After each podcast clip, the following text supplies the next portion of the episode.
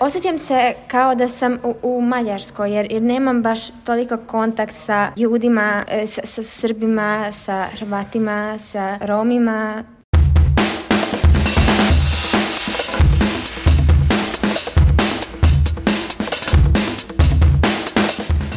Zdravo, slušate podcast Maglo čistača pod nazivom Izdvojeni glasovi. U ovomesečnoj epizodi razgovaramo o pojmovima kojima se subotičani vrlo često diče, a to su svakako interkulturalnost i multikulturalnost. Osim što zvuče komplikovano i vrlo subotički, šta u stvari znače ovi pojmovi? Koliko su bliski mladima i koliko mladi osete da je interkulturalnost zaista prisutna u gradu u kom oni odrastaju? Hajde da krenemo sa kratkim definicijama, kako ne bismo frljali pojmovima. Kako se navodi u leksikonu multikulturalnosti koje je objavio Centar za interkulturnu komunikaciju, interkulturalnost predstavlja pojam koji označava odnos, razmenu i skup dinamičkih tokova različitih kultura. Sa druge strane, pojam multikulturalnost označava samo postojanje više kultura na istom prostoru. Zbog toga je interkulturalnost posebno važna, jer naglašava odnos među kulturama i neophodnost međusobne interakcije.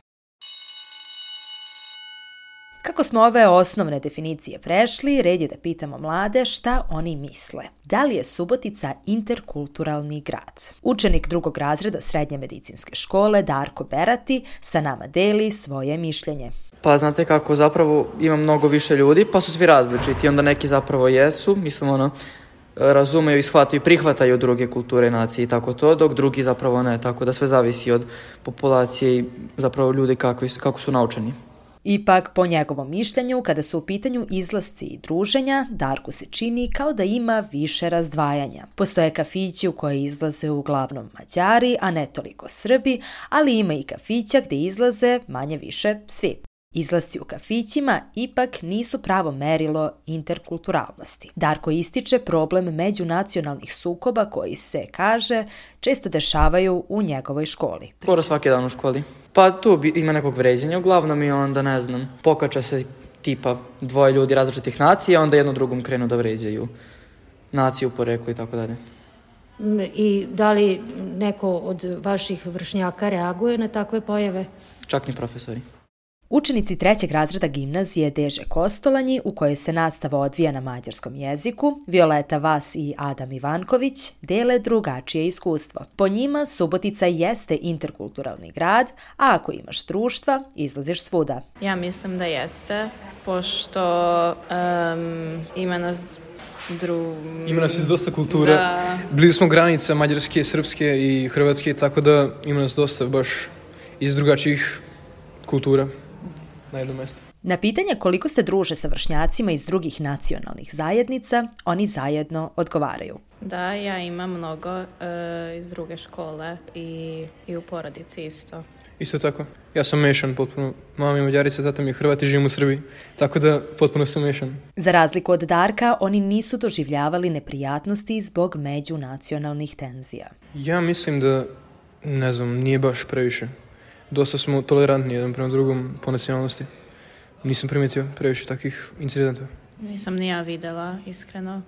Ipak, na pitanje kako je bilo pre nego što su krenuli u srednju školu, to jeste da li se odvojenost ili netrpeljivost osetila tokom osnovne škole, drugačiji je odgovor. Nismo bili vređeni, mi smo bili grupisani. Nismo se mešali kao Mađari i Srbi, bili smo uvijek u grupama. Možda smo igrali futbol nekad, ali ništa više. I to, čekajte, futbol je jedan protiv drugog. Znači Mađari protiv Srba, nikad nismo bili mešani. Ja sam kontra baš. Dok nisam znala jezik, onda, da, onda nisam se družila sa drugima. I da, kad sam naučila srpski, onda sad mi je mnogo lakše. Pa ja mislim da je mešanost uvijek okej. Okay. Treba da se poznaju druge kulture.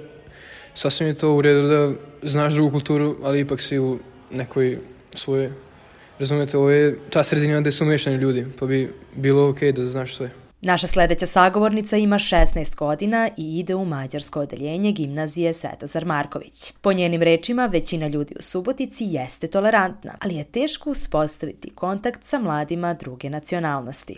Osjećam se kao da sam u, u Mađarskoj, jer, jer nemam baš toliko kontakt sa ljudima, e, sa, sa Srbima, sa Hrvatima, sa Romima, Po njenim rečima, Subotici nedostaje prilika da se mladi iz različitih nacionalnih zajednica upoznaju i druže. Pa primetila sam da Mađari i Srbi idu u različitim diskoteke, u različitim diskotekima i pa nema baš toliko događaja, događaja ili kako se to kaže gde možemo da upoznamo druge pa to mi malo fali. Nemamo toliko prilike da, da poznamo druge etničke grupe, drugi mladi koji nisu naši, ne, ne pričaju na, naš, na, na našem jeziku.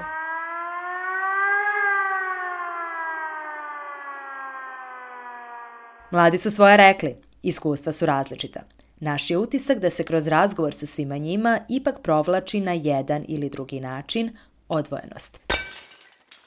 Činjenica je naime da više nacionalnih zajednica živi u Subotici, ali pitanje je da li jedne pored drugih ili jedne sa drugim. Koliko smo zaista međusobno povezani. Psihološkinja Mirjana Beara se već godinama bavi temom interkulturalnosti. Ne samo u Subotici, već po celoj Vojvodini. Ona za naš podcast kaže da nije dovoljno samo prihvatiti druge nacionalne zajednice i živeti jedni pored drugih. Interkulturalnost podrazumeva dijalog, prožimanje kultura, odnosno saradnju i međusobnu razmenu između kultura. Ipak, kakva je situacija u praksi? Mi smo radili neka istraživanja koja su u stvari govorila o tome kolika je ta uh, socijalna distanca između učenika jeli, različitih kulturnih grupa, da tako kažem.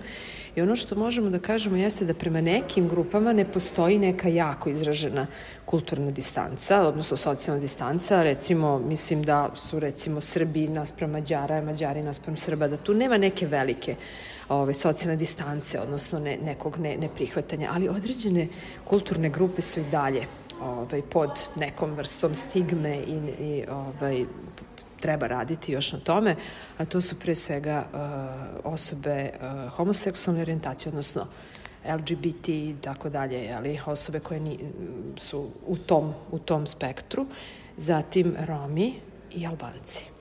Dakle, prema tim grupama još uvek postoji visok stepen nepoverenja, neprihvatanja. Kroz Centar za proizvodnju znanja i veština, Mirjana Beara se bavila podsticanjem interkulturnog razumevanja i razvoja interkulturalizma. Tako da smo imali i uh, u jednom ciklusu akreditovani program uh, izazovi interkulturalnog obrazovanja koje smo sprovodili u školama širom Srbije. Dakle, tu smo nastavnike pre svega obučavali za to kako da ugrade principe interkulturalne osetljivosti i dijaloga u svoju nastavu. A u više navrata smo takođe radili projekte za mlade, gde smo u stvari sa direktnom, u, u neposrednom radu s mladima pokušavali da razvijemo njihovu i to, to, to, to razumevanje različitosti i prihvatanje različitosti. A koliko su takvi programi generalno uspešni, to jest da li oni zažive u praksi? Da, mi smo to nekoliko godina radili u školama, znači mi smo obučavali nastavnike i e, davali im šansu da škole ra, ove, prave neke interkulturalne male projekte u saradnji sa e, ekumenskom humanitarnom organizacijom koja je finansirala taj program, a realizator je bio Centar za proizvodnju znanja i veština mi smo onda imali priliku i školama i grantove neke male da damo za te interkulturalne projekte i to jesu bili jako lepi projekti. Postoji zbirka tih projekata na sajtu Ekumenske humanitarne organizacije. E sad, ja, ja vam ne mogu reći da li su škole i posle tih projekata nastavile da neguju tu interkulturalnost. Dakle, mi se ono nadam i obučimo i malo po, podstaknemo to razmišljanje i podstaknemo uh, jeli, preispitivanje recimo određenih praksi u školi, ali da li to zaista se zadrži, to bi trebalo malo uraditi jednu analizu, pa ja vam sad iskreno kažem. Znači, trebalo bi uraditi analizu, otići sad posle više godina u te škole i videti šta je ostalo od tih pravaca i vrednosti.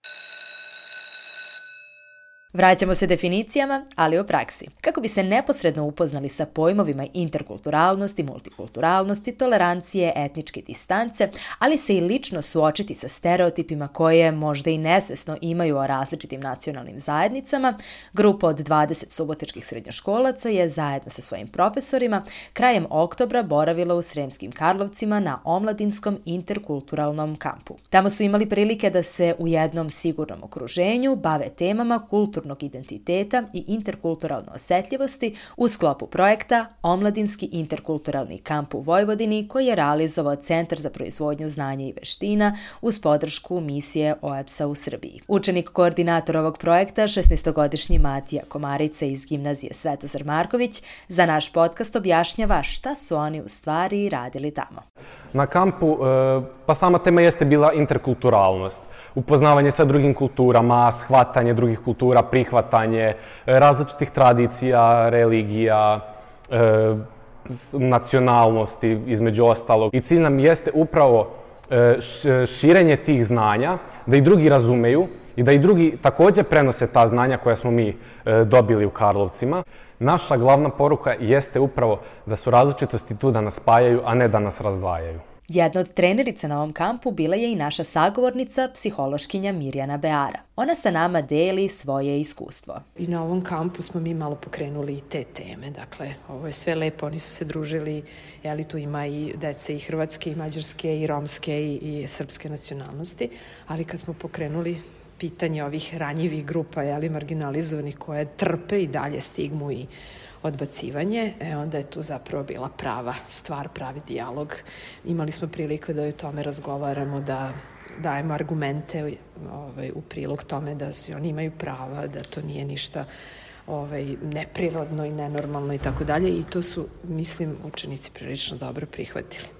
A da li su se mladi na kraju suočili sa vlastitim predrasudama i stereotipima? Da, zapravo su, mi, mi smo na kampu stvorili jednu zaštićenu atmosferu, znači jednu atmosferu u kojoj nije sramota reći šta misliš i u kojoj ne, ne lovimo greške i onda u toj, toj jednoj atmosferi prihvatanja i oslobađanja su oni u stvari mogli i da kažu svoje mišljenje, ali mogli i da čuju i neka drugačija mišljenja.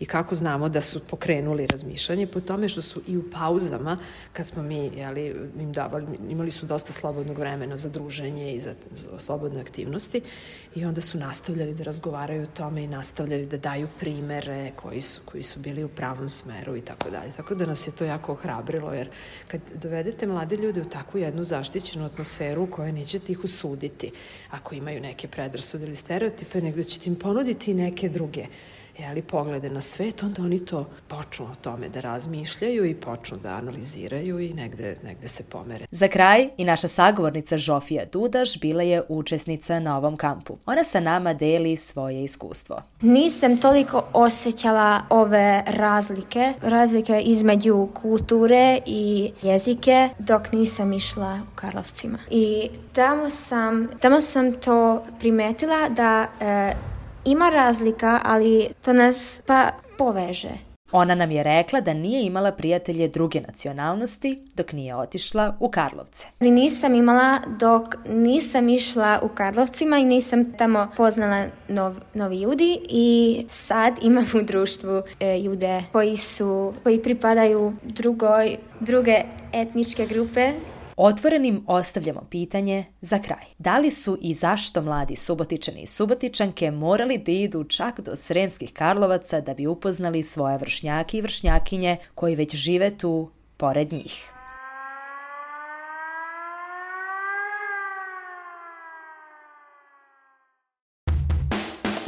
Kako su vaša razmišljanja na ovu temu? Koliko ste vi upoznati sa pojmovima multikulturalnosti i interkulturalnosti i da li ih kao vrednosti prepoznajete u svom svakodnevnom životu? Da li je Subotica po vama interkulturalna ili pak samo multikulturalna? Svoje iskustvo možete podeliti u komentarima ili inboxima društvenih mreža portala Magločistač. Rado ćemo ih saslušati, a možda i uključiti u narednu epizodu. Hvala na pažnji i slušajte nas i sledećeg meseca.